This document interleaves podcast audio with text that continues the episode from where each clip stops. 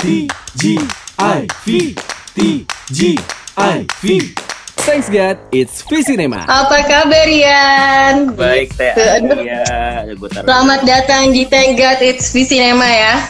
Oh iya, terima kasih. Wah, kita sama-sama putih hari ini. Oh iya. Cuman lo pakai apa? Coba gue intip dulu. Itu Mickey Mouse ya? Iya. I knew it. Ini bakalan seru banget. Sehat, Rian sehat nggak? Sehat, cuma udah gondrong banget. Gila, gua nggak bisa motong rambut sendiri. Ah, sama dong. Rambut gue juga udah nggak berbentuk. Nih, rame ya yang nonton ya? Wah, Rame-rame lumayan, lumayan, lumayan ada Hai, wah ada banyak yang datang tuh. ada Ciko Jericho juga ya. Oke, halo. Ini seru banget yang pasti kita bakalan langsung ngobrol-ngobrol ya sama Rian eh, seputaran animasi tentunya karena Mm-mm. sebenarnya ini kayak jujur aja jadi mimpinya aku secara pribadi juga selain juga buat Visinema bahwa akhirnya kita bakal punya satu divisi yang namanya Visinema animasi gitu. Dan Mm. ini seru banget sebenarnya buat kita bisa ngegodok apalagi um, head of developmentnya ada Rian. Aduh gue bakal bertanya-tanya nih Rian. Nih how to cook animation with storytelling? Itu temanya kan? kita akan memasak ingredientsnya apa? Nanti Rian mungkin bisa cerita sama kita. Dan yang pasti sih gue pengen ngobrol lagi nih yang yang lebih pribadi gitu ya. Kayak apa sih yang sebenarnya yang membuat kamu tertarik untuk terjun ke dunia animasi gitu Kalau tertarik terjun ke dunia animasi itu sebenarnya eh, ceritanya itu jauh banget balik ke waktu gue umur 4 tahun. Itu tahun 1994. Ya, gue bongkar umur. Jadi hmm oke tahun 94 itu gue pertama kali pertama kalinya dalam seumur hidup nonton bioskop itu adalah film animasi yaitu film The Lion King itu film pertama Hmm. Oke. gue di bioskop dan itu pertama kali gue nonton film di bioskop dan langsung The Lion King dan di situ gue tuh apa ya kayak tersihir gitu loh kayak magis banget. Dan gue kan nggak tahu apa itu konsep bioskop kan pada saat itu kan. Jadi gue tuh kayak ini TV gede banget gitu dalam hati gue gitu. Ini TV gede banget. Terus layar perak ya Nah, eh, terus gue tuh inget scene maksudnya jadi kan nonton Lion King ya terus gue tuh merasa kayak tersihir gitu loh Teh Anggia jadi gue tuh Hmm. kayak pada saat itu kan gue belum sadar ya bahwa itu tuh gambar gitu. Itu tuh bukan singa beneran bukan hewan beneran bukan burung beneran gitu. Hmm. terus gue pada saat ya kita semua udah mungkin udah nonton The Lion King lah ya dan kita semua tahu ketika ayahnya meninggal gitu pas Mufasa meninggal tuh nangis gue tuh sejadi-jadinya gitu. Nangis itu sejadi-jadinya dan dan ke- di situ juga gue inget adegan me- menuju ayahnya itu mati itu kan ada ada segerombolan kayak rusa liar gitu kan yang yang lari yang ngejar dia di lembah itu gitu. Nah itu tuh gue takjub Hmm. sekali sama visual itu. Nah di situ selesai keluar itu gue lupa bokap gue apa nyokap gue yang ngejelasin bahwa itu namanya itu namanya kartun gitu namanya itu animasi gitu. Nah gue bilang gitu Hmm. "Oke, kalau aku gede aku pengen bikin yang kayak gitu. So I actually said that umur 4 gitu.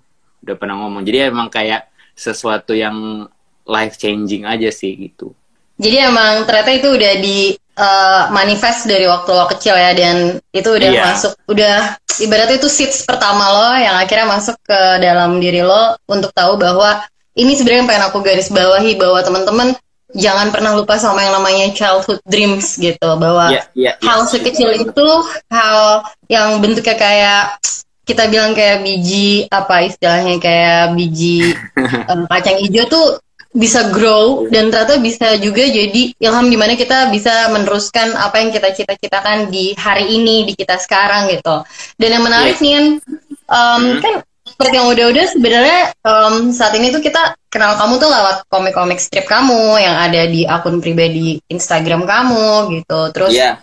yang kenapa juga itu sebegitu gemesnya mungkin juga satu hal itu sangat relate juga dengan banyak orang gitu. Eh, boleh nggak kamu sharing gitu ke kita bahwa ide awalnya tuh seperti apa sih gitu untuk menemukan cerita-cerita yang kayak gitu? si dipaksa dewasa ya Mm-mm. Nih orang-orang nih kalau dengar kata biji ketawa aja ya. Emang nih, Duh. Iya jadi si si Jadi komik strip itu tuh gue uh, sebenarnya lebih ke kan selama ini gue pengen Mhm. apa lebih kayak membuat karya yang uh, melatih imajinasi gitu kan. Kayak oh kayak mau bikin sesuatu yang melatih imajinasi gitu. Kayak sesuatu yang belum pernah terbayangkan sebelumnya. Mungkin fantasi atau segala Mhm. macem. Terus mungkin menuju usia sekarang itu gue tuh ada satu titik kayak mencoba menggali ke dalam gitu loh ke inward gitu. Ada nggak ya gue cerita yang lebih personal lagi lebih pengen gue kan gue tuh anak tunggal ya. Gue tuh tidak punya kakak adik sebenarnya. Jadi tuh Hmm. ada masa-masa di eh, masa gue tumbuh menjadi Rian yang sekarang tuh banyak hal yang gue merasa eh, hal-hal yang hanya gue bisa sampaikan ke orang tua atau temen tapi ada yang feedback itu bukan kayak sibling gitu loh nah Oke. Ah, ah, jadi gue tiba-tiba teringat bahwa gue tuh pernah punya rasa longing akan seorang brother gitu. Cuman sementara sementara bertahun-tahun my own brother Mhm. is my own self, gue sendiri gitu loh. Jadi terus ah Mhm. itu kalau kayaknya kalau itu divisualkan kayaknya bakal menarik gitu. Akhirnya terus gue mencoba mencari ke- ya apa sih pertama tuh waktu itu buka buka survei juga gitu. Ada nggak sih yang merasa seperti gue? Waktu itu gue bikin Google survei gue sebarin gitu e surveinya ke orang-orang. Lu merasa merasakan apa yang gue rasakan nggak? Gue tanya gitu. Kayak pernah nggak ada nggak yang ngerasa bahwa kalian tuh eh, mungkin transisi dari masa kecilnya ke dewasanya itu antara nggak smooth atau tiba-tiba mendadak gitu tiba-tiba tanggung jawabnya tiba-tiba menda- mendadak jadi besar banget, tiba-tiba harus berjuang sendiri apa segala macam ternyata yang masuk ke gua itu banyak sekali yang responnya tuh sama seperti yang gue rasain gitu. Jadi eh, ternyata perasaan ini sangat universal dan sangat manusia dan ternyata ketika gua menggabungkan perasaan bukan insecurity ya, perasaan eh, apa namanya ya? Kegelisahan, eh, ketidaknyamanan. kegelisahan ya exactly kegelisahan gue Oke. itu terus gue kayak eh lucu juga kali ya kalau misalnya si visual kakak beradik yang sebenarnya tidak pernah ada ini Rian dewasa sama Rian yang kecil dulu itu gue gabungin lucu kali ya terus gue tes gitu satu komik dua komik gitu ternyata selama gue main Instagram itu biasanya kayak engagementnya tuh paling nge-likesnya 2000 atau Mhm. berapa gitu ya bener bisa cuman sekalinya ngeluarin itu tiba-tiba kayak 23 ribu 45 dan gue kaget gitu kan. Wow, 2000 aja kayak gede banget loh ya. Iya, maksudnya iya gitu. Maksudnya gue bukannya kayak cuma kayak Jadi lo mau ngomong kalau lo tuh terkenal itu gitu ya. enggak enggak. Maksudnya gue tuh sudah di mindset gue tuh udah kayak oh ya biasanya kisaran itu segini lah gitu gitu paling paling mentok tuh ya 2500 gitu. Tiba-tiba 45.000 ribu gitu. Terus gue kayak wow gitu. Akhirnya ya jadi kayak lebih dan dan dan dan ketika bikin karya yang kayak gini gue jadinya nggak terlalu susah untuk apa ya mencari cerita tuh nggak susah banget gitu loh. Nggak kayak oke episode ini apa ya? Tentang apa ya? Lagi tuh nggak kayak lebih kayak nginget aja Hmm. gitu. dulu gue tuh ngerasa apa ya? Oh ini terus tinggal kayak oh gue inget nih waktu gue umur segini gue pernah ada kejadian apa? Terus misalnya itu gue replika ulang terus ada si dua karakter ini jadi kayak main sitcom gitu sih misalnya kita kayak Oke. nonton ah, ah, misalnya kayak kita ngantri donat kentang ya. Kan ada Chico Jericho ini lagi nonton jadi gue masukin ini donat kentang. Misalnya kayak lagi ngantri donat kentang terus gimana sih kalau Rian gede sama Rian kecil ngantri donat kentang? Itu kan kayak kayak lu nulis sitcom gitu kan? Ya udah jadi lebih Ya, dengan cara pikir juga- yang berbeda juga kan. Mm-mm, dan Rian kecil dan Rian dewasa juga- itu. kedua karakter itu pun juga gue gitu jadi nggak terlalu susah. Apa sih what, what would I say ketika gue umur segitu dan sekarang kayak gitu sih teh Menurut kamu sendiri ya, Mm-mm. lebih penting kualitas visual atau cerita ya? kulit oke ini spesifik kita ngomongin animasi ya Ya, oke kalau kalau kita jelas kalau ngomongin film tentu itu kan dua dua komponen yang sebenarnya tidak terpisahkan pasti setuju dong kita Betul. kan we Ya. watch a movie for both ya kan kita mau enjoy Ya. the visual kita juga pengen untuk menikmati storynya tapi menurut aku Mm-mm. visual secantik apa pun akan cepat bikin bosen kalau ceritanya tidak menarik atau tidak bagus menurutku ya oke. Sementara kalau cerita yang sangat kuat, meskipun visualnya katakanlah tidak secanggih itu katakanlah gitu atau atau tidak se wah sebagus apa gitu, itu masih bisa dinikmati sebagai sebuah karya naratif dan bisa menyentuh. Aku ngambil contoh gini sih. Aku ngambil contoh Toy Story pertama. Toy Story pertama tahun 94. Kalau kita bandingin gambarnya sama Toy Story 4 yang baru keluar tahun lalu itu jauhnya nauzubillah Jauhnya Iya, jauh banget gambar kualitas tekstur 3D-nya semuanya. Toy Story 1 tuh gambarnya bahkan menurut aku lebih mohon maaf ya Pixar, mohon maaf Pixar kalau Pixar nonton. Bahkan masih masih lebih jelek dibanding PlayStation 1 menurut aku. Tapi Oke. Cerita dan karakter dan musik dan dialog gitu sampai sekarang tuh masih istilahnya masih hold up gitu. Ketika kita masih nonton Masih relevan ceritanya ya? iya masih bagus gitu. Bahkan bahkan film-film yang zaman dulu banget gitu ya katakanlah film-film klasik gitulah yang masih hitam putih pun yang Hmm. ceritanya bagus juga masih ditonton berulang-ulang bahkan banyak yang minta untuk di remaster gitu-gitu kan nah Ya. jadi menurutku sih kalau eh, kalau kayak katanya John Lasseter sih di Pixar kan teknologi apa katanya art art challenges technology technology inspires the art jadi pasti kan saling berhubungan tapi menurutku sih Ya. story sih masih king sih masih raja sih menurut aku Story masih raja. Menurut Nah. aku juga selain story ada lagi sih yang harusnya juga bisa uh, berkoneksi gitu ya ke kita Hmm, hmm, karakter. Ketika kita melahirkan Ya, satu ya. story yang bagus, tentunya itu harus didukung oleh karakter yang tepat, karakter yang sesuai sama apa yang apa yang pengen kita uh, buat gitu. Jadi um, dua itu jadi core yang paling utama selain visual karena benar kata kamu tadi ketika kita membuat uh, menonton sebuah konten audio visual mau itu animasi atau live action pasti keduanya jadi elemen yang paling uh, harus diracik atau dimasak sedemikian matangnya gitu Iya. loh. Iya. Nah, kalau mau kalau dari- soal Hah? aku numpang tambahin dikit aja. Kalau mau ngomongin soal karakter karakter doang aku mau ngasih contoh lagi. Satu lagi itu Mhm. adalah eh, Peanuts dan Snoopy. Itu komiknya gambarnya simple banget ceritanya simple banget benar-benar cuma empat panel komik. Cuman semua orang Iya. tahu siapa Charlie Brown siapa Snoopy siapa Lucy. Semua tuh udah tahu Mhm. gitu. Jadi itu yang paling kuat sampai sekarang komiknya masih disukain banyak orang. Iya, iya, dan kayak gitu yang jadi juga relevan karena cerita dan isunya juga makin relevan di era sekarang gitu kan ya. ngomongin koneksi karakter. Oh, tunggu tunggu. Gue ada buku Mm-mm. eh, Mm. pentingnya pentingnya gue ngebaca soal pentingnya ka- desain karakter pengaruh terhadap cerita, terutama di animasi ya. Ini bukunya itu Oke. buku Art of Film Disney yang Zootopia. Nonton nggak teh? Gue kalau Zootopia belum nonton. Nih di Art of Zootopia. Wah, Edan sih Uh-uh. Zootopia. Nah, Teh bisa bisa di Google aja sih Nick Wilde tulisannya Ya. N I C K W I L D. Nah, dia itu Ya. ada kan gambarnya di situ dia pakai kita bisa lihat desain karakter dia kan. Ya, Nah, dia itu pakai kemeja warna hijau Hawaii, bener nggak? mhm. Pakai Betul. celana warna coklat, dia pakai eh, dasi yang Iya. nggak nggak terlalu diikat sama dia kan. Terus Iya. di sini di bukunya gue bacain ya gue baca. Sorry gue sambil berdiri dikit. Di sini ini ini, ini ada ini ada, ada semua eksplorasi desainnya Nick Wilde sebelum jadi Nick Wilde yang kita tahu nih Nick Wilde yang terakhir kita tahu. Jadi film kan yang ini, yang ini kan.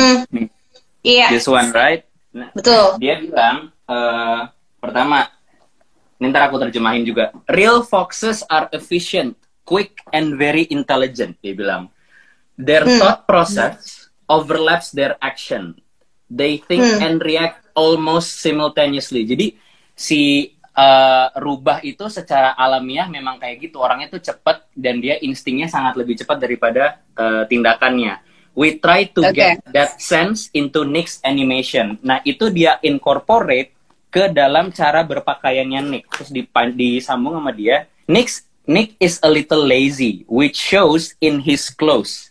His shirt and tie are mismatched in colors. The shirt isn't tucked in, and he probably tied the knot in his tie once, and then just takes it off still knotted every night.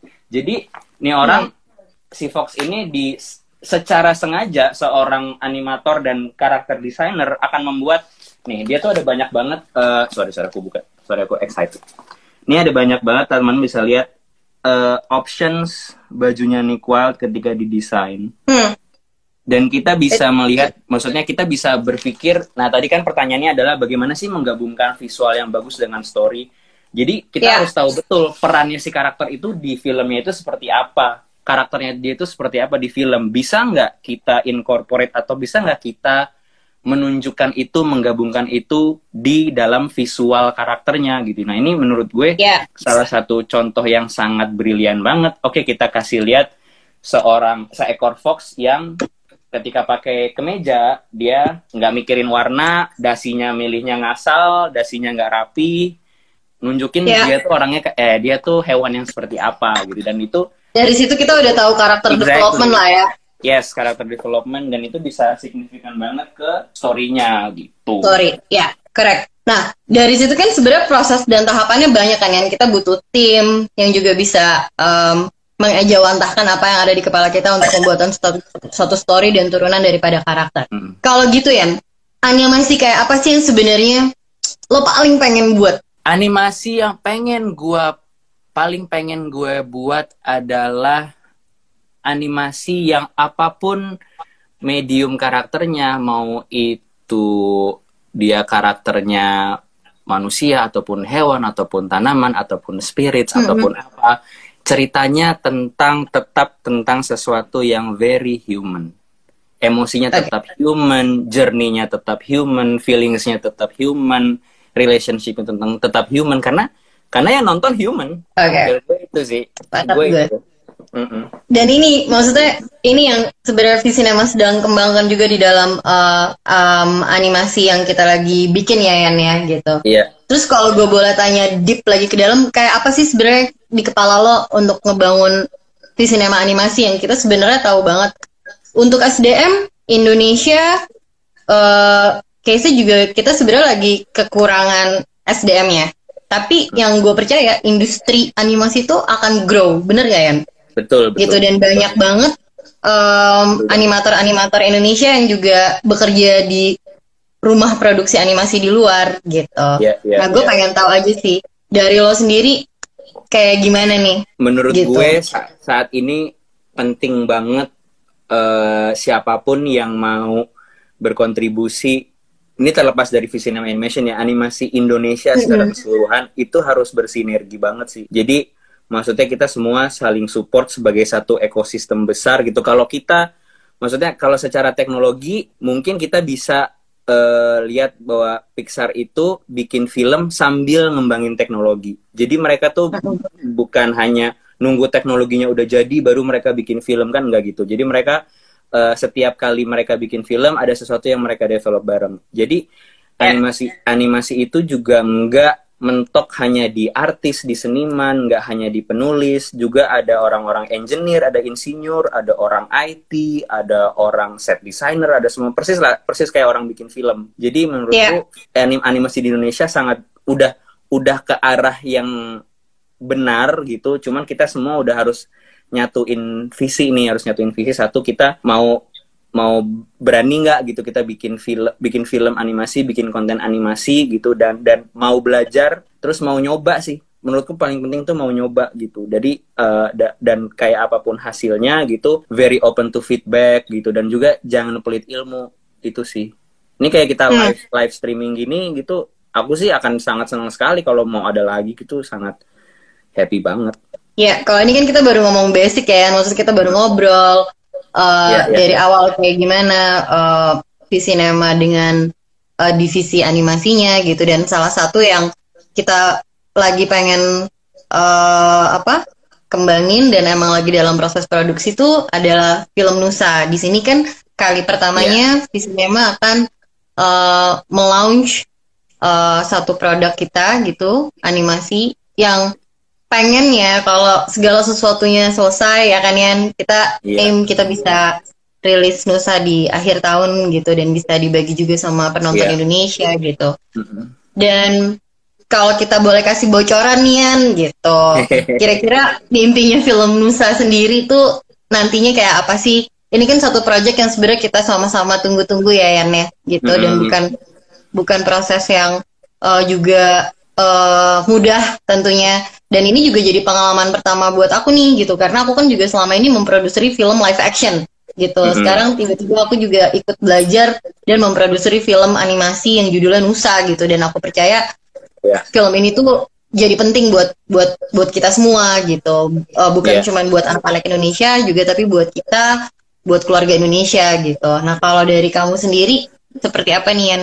Kalau di buat aku pribadi sih harapannya mungkin juga teman-teman udah pada lihat ya dari teaser yang dirilis, dari trailer, dari poster, dari semua materi promosi yang udah kita bagikan gitu.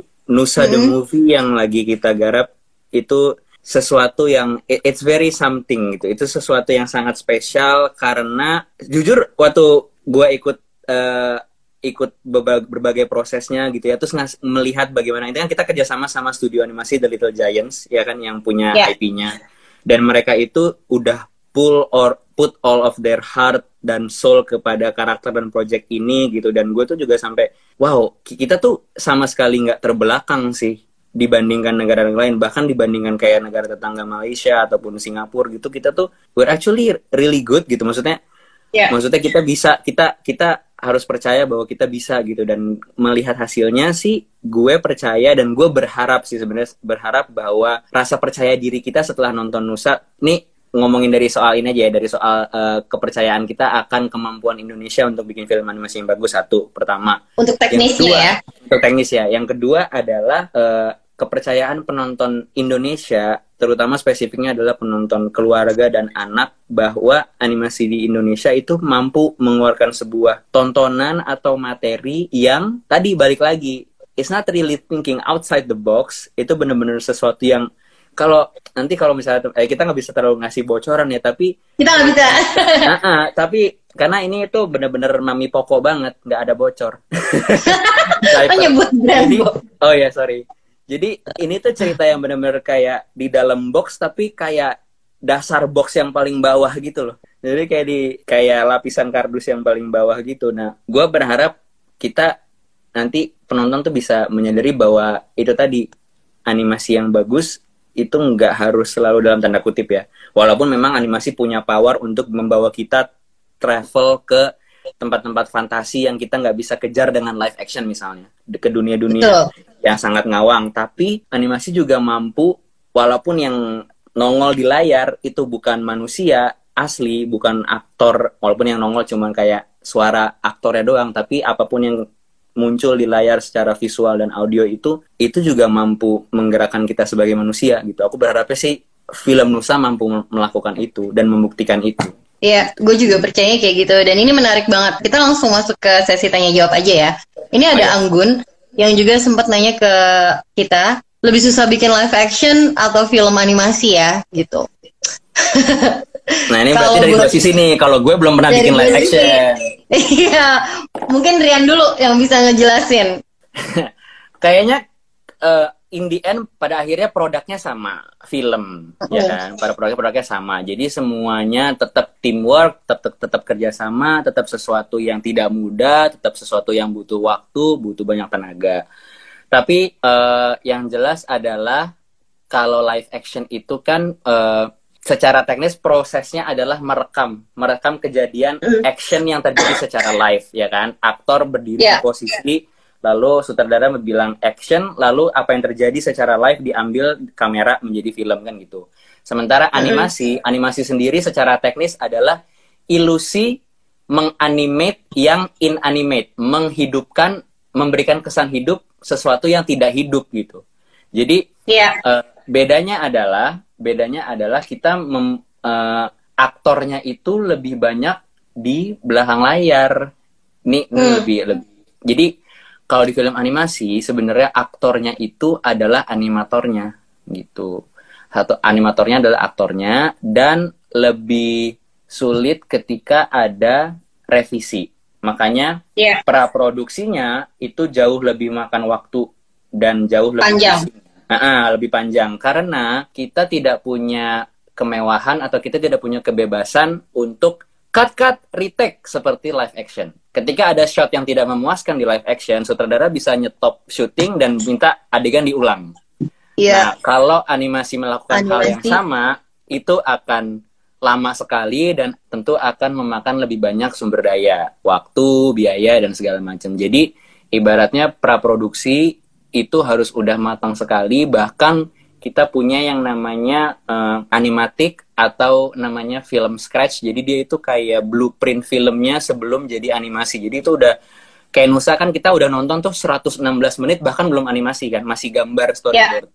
Nah, itu adalah blueprint di mana eh, sutradara tuh bisa make a call, bisa bikin keputusan ini masih kurang, ini masih adegan ini bisa kita buang, bisa kita percepat di situ sebelum proses animasi mulai sehingga nanti bisa lebih efisien. Itu sih kalau kalau pandangan aku perbedaannya paling di situ. gitu. Iya karena jujur kalau buat aku ini sesuatu yang baru banget dan sebenarnya aku sama Rian juga lagi sama-sama menyatukan eh, bukan ideation ya kalau ideation kita udah jadi karena prosesnya udah udah berlangsung gitu dan menyenangkan adalah ketika kita membuat animasi tuh kita bisa membuat sesuatu yang beyond live action ya Yan ya bahwa ada hal Iya. yang ketika live action nggak bisa bikin di animasi itu kita bisa bikin gitu sesuatu yang nggak mungkin itu jadi sesuatu yang mungkin di film animasi nah ini banyak banget nih Yan yang nanya dari yang udah yang masuk Um, ini karena tadi kita lagi ngebahas tentang Nusa, ini gue tanyain langsung aja ya. Ada yang tanya, Iya. berapa lama sih sebenarnya proses pembuatan Nusa dari cerita, pengembangan animasi, sampai nantinya launching gitu? Sebenarnya prosesnya Nusa itu lama ya. lama. kita ya. kemarin Itu, development eh, 6 bulan ya kita development story ya. development story 6 bulan ya. Eh lock Mhm. script final itu Juni ya, Juni 2019. Bener gak sih gue? Iya. Ah. Eh, eh, Iya, bener ya. Juni 2019. Ah, mulai mulai berarti dari awal 2019 ya. Ya, tapi itu pun kita bekerja sama langsung simultan sama karakter development ya Yan ya. Ya, iya, iya, Gitu. paralel. Kita paralel. Paralel kerjanya. Ah, karena gini, ini buat teman-teman juga karena kita eh, satu belum punya belum punya apa namanya ya kemewahan seperti Pixar atau Disney yang mereka sudah sangat apa ya sudah sangat lama dan sudah mereka udah mungkin 10 years 20 years di depan kita gitu jadi mereka bisa tuh kayak eh, apa namanya ya udah deh empat tahun gitu ngerjainnya. Nah kita tuh masih mau kita kan mau memenangkan dulu nih memenangkan trust. Memenangkan trust penonton memenangkan trust eh, apa namanya eh, pecinta film. Jadi banyak proses yang Iya. kita juga paralelkan gitu ketika skrip eh, belum final draft. Misalnya udah draft berapa tapi kan cerita udah solid karakter udah solid. Itu udah bisa langsung masuk pra produksi udah bisa kita kan udah ketahuan tuh eh, set ceritanya di mana aja apakah ada lokasi ada berapa itu udah bisa langsung didesain udah bisa di langsung di modeling secara 3D udah langsung bisa dibikin asetnya eh, jalan juga udah bisa. Itu kan masuk pra produksi ya. Kemarin itu pra produksi beres di Oktober 2019 habis itu tag VO selesai itu November. Jadi ini cukup rush tapi alhamdulillah kita manage. Jadi Kita achieve ya.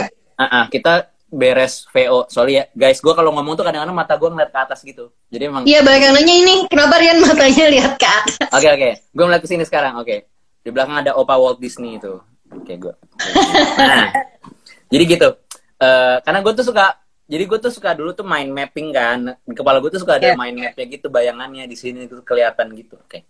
Anyway, ya jadi, nah dari dari semua itu, kemudian mulai masuk eh, animasi itu udah jalan dari Desember kalau nggak salah. Dari Hmm. Desember udah jalan animasi eh, render preview render preview semua gitu terus udah masih jalan terus sampai sekarang Iya, dengan proses yang kondisinya pandemi kayak gini pun, eh, aku juga kasih tahu ke teman-teman, kita tetap eh, memproduksi fi- eh, film Nusa ini gitu. Iya. Karena ini sesuatu yang eh, kita bisa bilang, hmm, ini bisa dikerjakan juga dari dari rumah dengan segala keterbatasan yang ada. Tapi pokoknya kita aim film ini akan bisa kita rilis di tahun ini ya Yan ya. Semoga amin amin amin kelar gitu. Dan ada lagi nih Yan pertanyaan. Em, ini dari at Abe Trikun Cahyo. Dia bilang, dia bertanya, gimana sih caranya Rian nemuin style gambar atau animasi? Dan gimana sih prosesnya supaya kita akhirnya ketemu sama gambar atau karakter style kita sendiri gitu. Oke, ini pertanyaan sejuta umat, termasuk pertanyaan diri gue sendiri. Karena dulu juga gue sangat, gue juga sangat struggling, gue juga sangat apa ya, kesusahan sekali menjawab pertanyaan gimana sih gue punya gambar, punya style gambar sendiri gitu. Hmm. Sebenarnya gini sih, itu itu adalah sebuah proses yang terus menerus berjalan gitu. Bahkan gaya gambar gue sekarang, gue yakin belum sepenuhnya style gue yang udah final gitu. Mungkin nanti akan masih berkembang lagi gitu. Tapi setiap prosesnya pasti gue nikmatin. gue percaya semua seniman ataupun semua ilustrator, mm-hmm. semua tukang gambar, bahkan semua pembuat apa pun lah, tukang masak, tukang uh, koki, tukang bikin batik semuanya itu udah punya style masing-masing. Kita aja punya kita aja tulisan tangan kita beda kan. Gue sama lu tulisan tangannya yeah. beda. Itu udah itu sebenarnya udah udah udah bawaan dari kita ditambah lagi pengalaman hidup, ditambah apa yang kita konsumsi, hal-hal yang kita suka, apa yang kita Eh, hal-hal uh, yang kita respon gitu. Nah, kalau mau itu kan masih jawaban yang agak terlalu intangible, masih agak ngawang ya. Kalau mau yang lebih spesifik ya. sih, gue lebih kayak gini. Gue ngelihat sebuah karya, gue suka nggak gitu. Oke, gue suka misalnya, gue suka gaya komik Dragon Ball, gue suka gaya komik Snoopy gitu. Gue hmm. akan nanya sama diri gue sendiri, kenapa ya gue suka gambar ini gitu. Itu itu ya ini akan jadi kritikal sekali, akan jadi kritis sekali. Kenapa ya gue suka banget gambarnya Peanuts, gambarnya Snoopy? Kenapa ya gue suka gambarnya Son Goku gue akan lama gitu ngeliatin dan dan gue akan bikin analisa gitu. Oh ternyata gue suka caranya dia itu uh, membuat lekuk tangan misalnya. Atau gue ternyata gue suka bagaimana Peanuts itu bikin proporsi antara kepala dan badan itu sebesar itu dan sekecil itu. Oh ternyata gue suka cara si artis ini gambar hidung gitu. Dan itu semua hmm. bener-bener gue apa ya analisa. Terus gue coba gitu. Kan tuh mirip kayak gini ya kok bakso ini enak banget ya? Biasanya gue makan bakso yang di situ biasa enak ya. Oh kayaknya yang di sini karena pakai misalnya gue nggak tahu ya sambal matah misalnya gitu. Oh berarti ntar next time gue bikin bakso sendiri gue coba campur sambal matah kan gitu kurang lebih kan kayak gitu. Jadi ketika gue gambar begitu gue bikin gambar sendiri gue eksperimen tuh. Oke gue mencoba gambar sebuah gambar gue mencoba bikin gambar karakter sendiri. Terus gue pengen gambar rambut terus gue kayak kayak inget eh waktu itu kan gue suka ya cara gambar rambutnya si ini coba ah gitu. Nanti hmm. begitu hasilnya jadi gue bisa suka bisa enggak. Ada banyak kasus ketika gue mencoba aku jadinya jelek ya? Gitu. Ada juga ada juga yang gue surprise gitu. Eh ternyata kalau gue ngikutin cara gambar ini buat kakinya doang gitu ternyata bagus. Nah itu dari segala mix and match itu lama-lama berkembang berkembang berkembang akhirnya di mata orang kayaknya gue punya style. Padahal gue sendiri masih ragu tapi orang tuh udah banyak bilang eh ini stylenya kayak Rian gitu. Karena sebenarnya mereka melihat apa yang udah gue apa ya campur-campur sebenarnya gitu. Itu sih kalau secara jadi memang proses menemukannya itu dengan latihan dan apa yang bisa dimanifestasikan dari sekitar kita pengalaman kita gitu ya Yan ya? Iya iya. Kayaknya memang cukup personal ya prosesnya. Proses menemukan style itu karena tiap orang pasti beda-beda. Dan kayaknya juga balik lagi sih ke karakter atau cerita apa yang pengen akhirnya kita deliver itu balik juga yeah. ke genre kan pasti itu juga yeah, akan yeah. beda lagi tuh karakter yeah. animasinya nah hmm, untuk ini yang ada yang tanya juga ini dari uh, Fadlan Arif uh, hmm. dia bilang dia tanya hashtag uh, DPKDWS dipaksa dewasa masuk ke -hmm. daftar film animasi yang akan dibuat sama Visinema nggak? wow.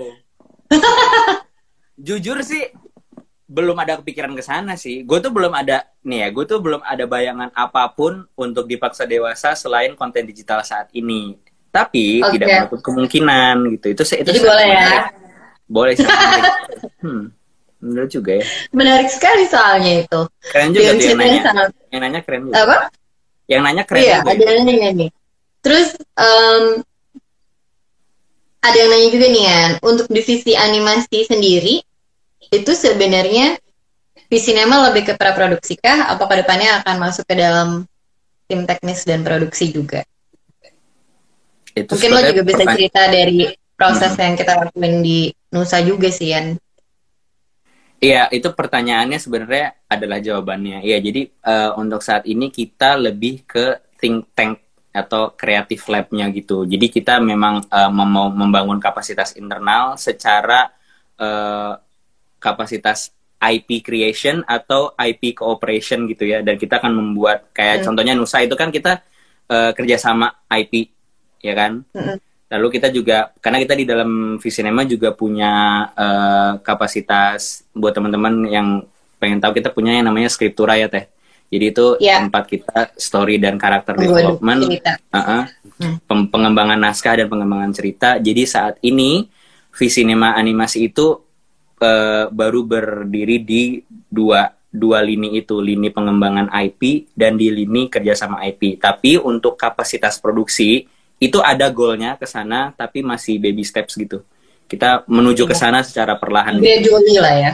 Gradually dan dan Nusa ini adalah kayak uh, project launch pertama kita gitu. Kita untuk apa namanya untuk uh, tahu gitu untuk tahu secara hmm. untuk orang sama orang-orang yang juga lebih paham dan lebih lama ngerjain animasi gitu. Oke, okay, ini ada lagi nih yang banyak banget ya yang nanya ya gini.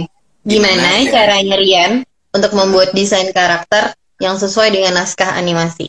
Gue kalau sesuai dengan naskah, gue bener-bener harus uh, nanya sama si penulis dan si pembuat cerita dan harus deket sama si sutradara visi dia di cerita ini seperti apa arah ceritanya mau seperti apa, tone-nya seperti apa, lalu karakter yang mau gue desain, yang ketika itu bisa ditugasin nih, oke okay, Rian desain si karakter utama ini.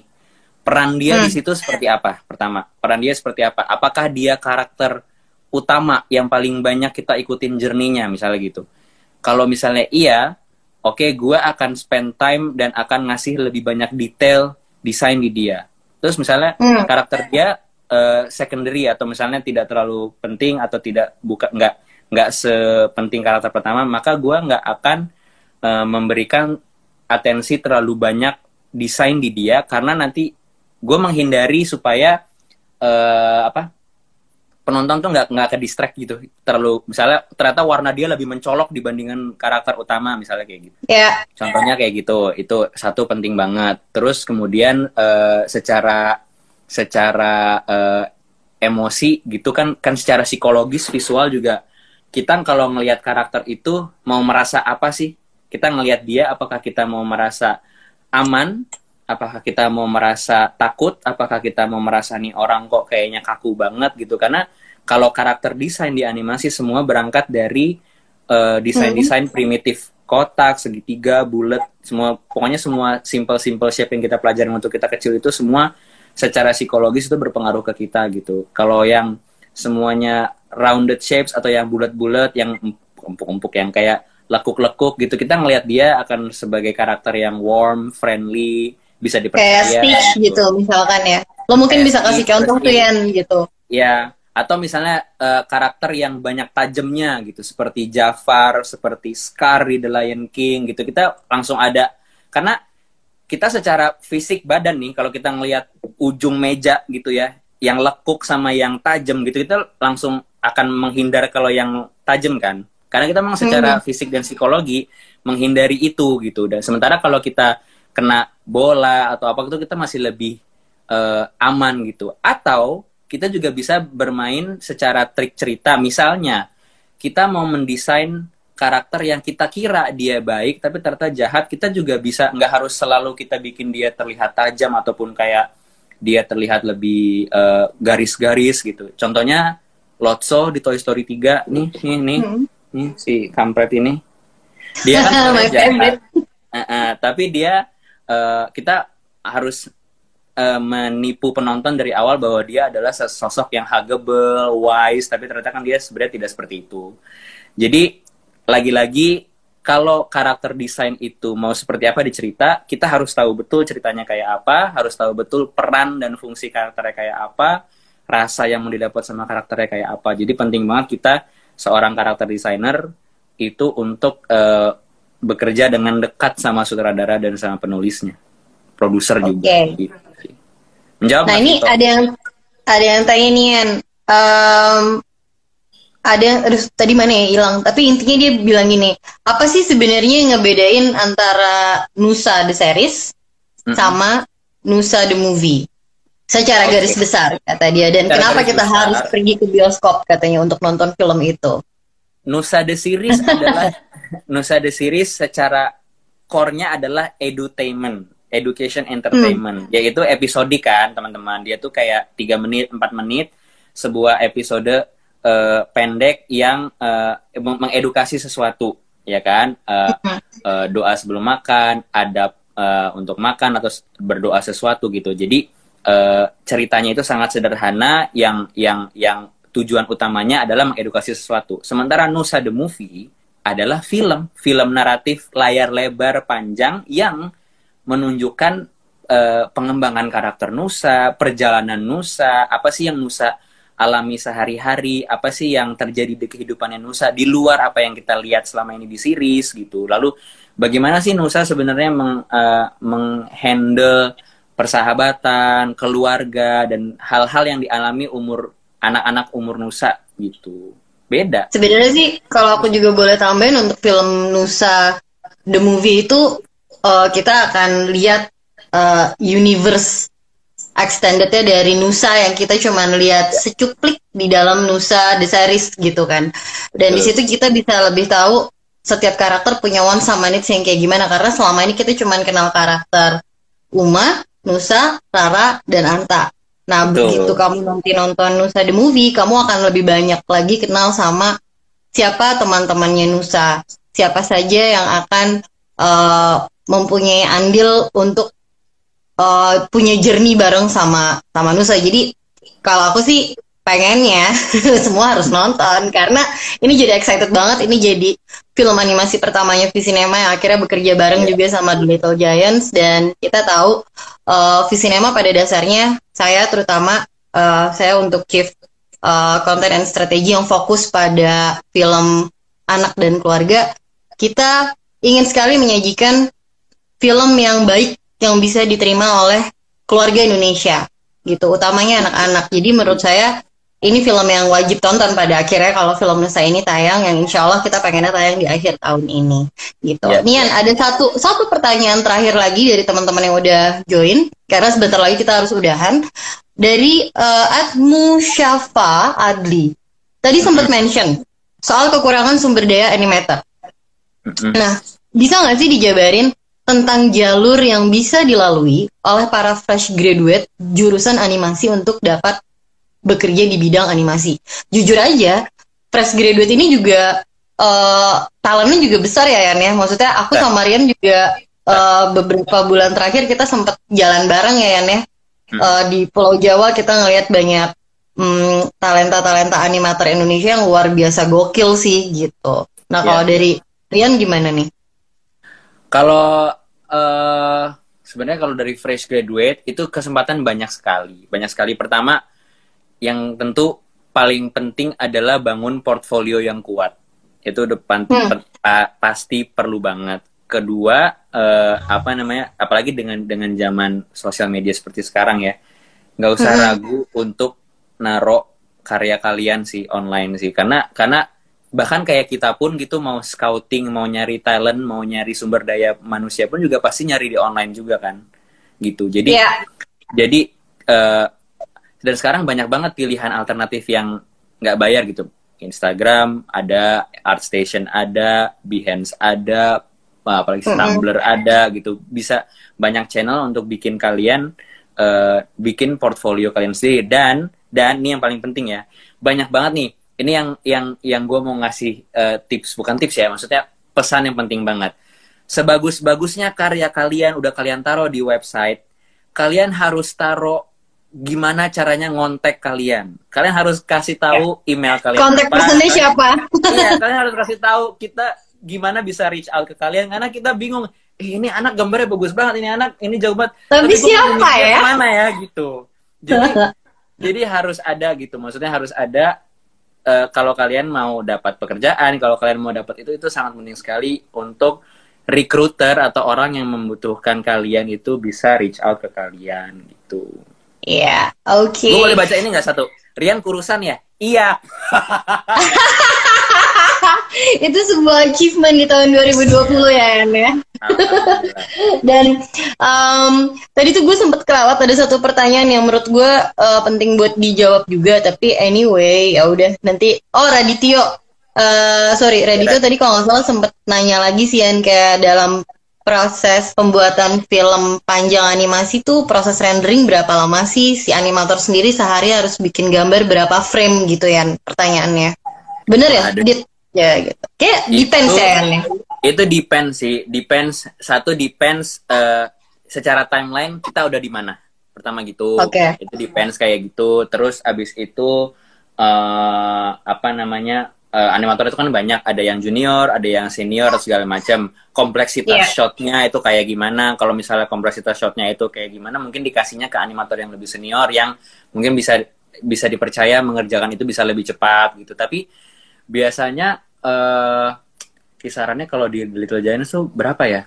Tadi kayaknya ada bintang Rizky Utama deh di komen ini. Dia tuh tahu tuh dia dia tuh salah satu eh, in-house director juga. Mungkin dia bisa jawab di komen tuh. Tapi ya benar Oke. itu depends, itu depends. Depends ya.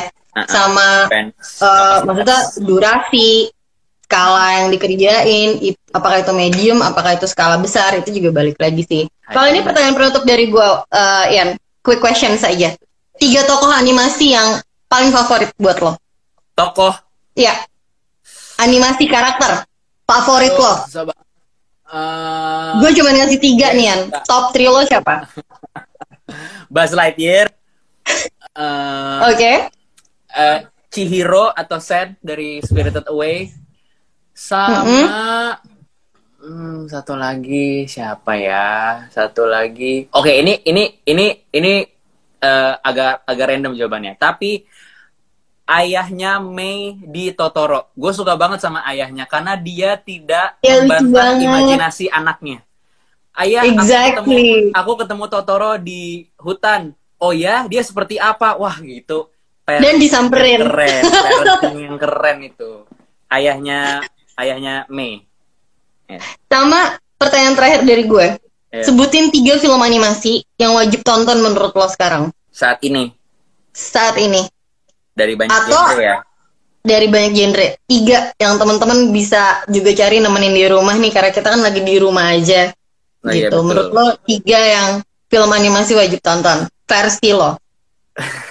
versi gue film animasi Spider-Man Into the Spider-Verse satu Oke. Klaus dua satu lagi ini agak agak filmnya bukan agak sih maksudnya dia bukan kids and family gitu tapi dia penceritaannya sangat bagus sekali dan di Netflix ada film animasi judulnya I Lost My Body I lost my body. Oke, nanti gue cari. Well, anyway, thank you banget Rian buat hari ini. Thank you si Cinema seneng banget kita punya partner yang buat berkarya barengan sama kamu untuk memajukan animasi Indonesia dan tentunya animasi di Cinema ke depannya. Dan how to cook animation with storytelling menurut aku buat teman-teman yang lagi suka banget sama animasi, yang lagi belajar, apalagi yang lagi kuliah tadi ada yang ngerjain tugas akhir, jangan Iya. pernah lupa sama the power of childhood dreams.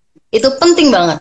When you think it's something yang bigger than that, just think inside the box at the very first time, then you can think out of. T G I V T G I V. Thanks God, it's V Cinema.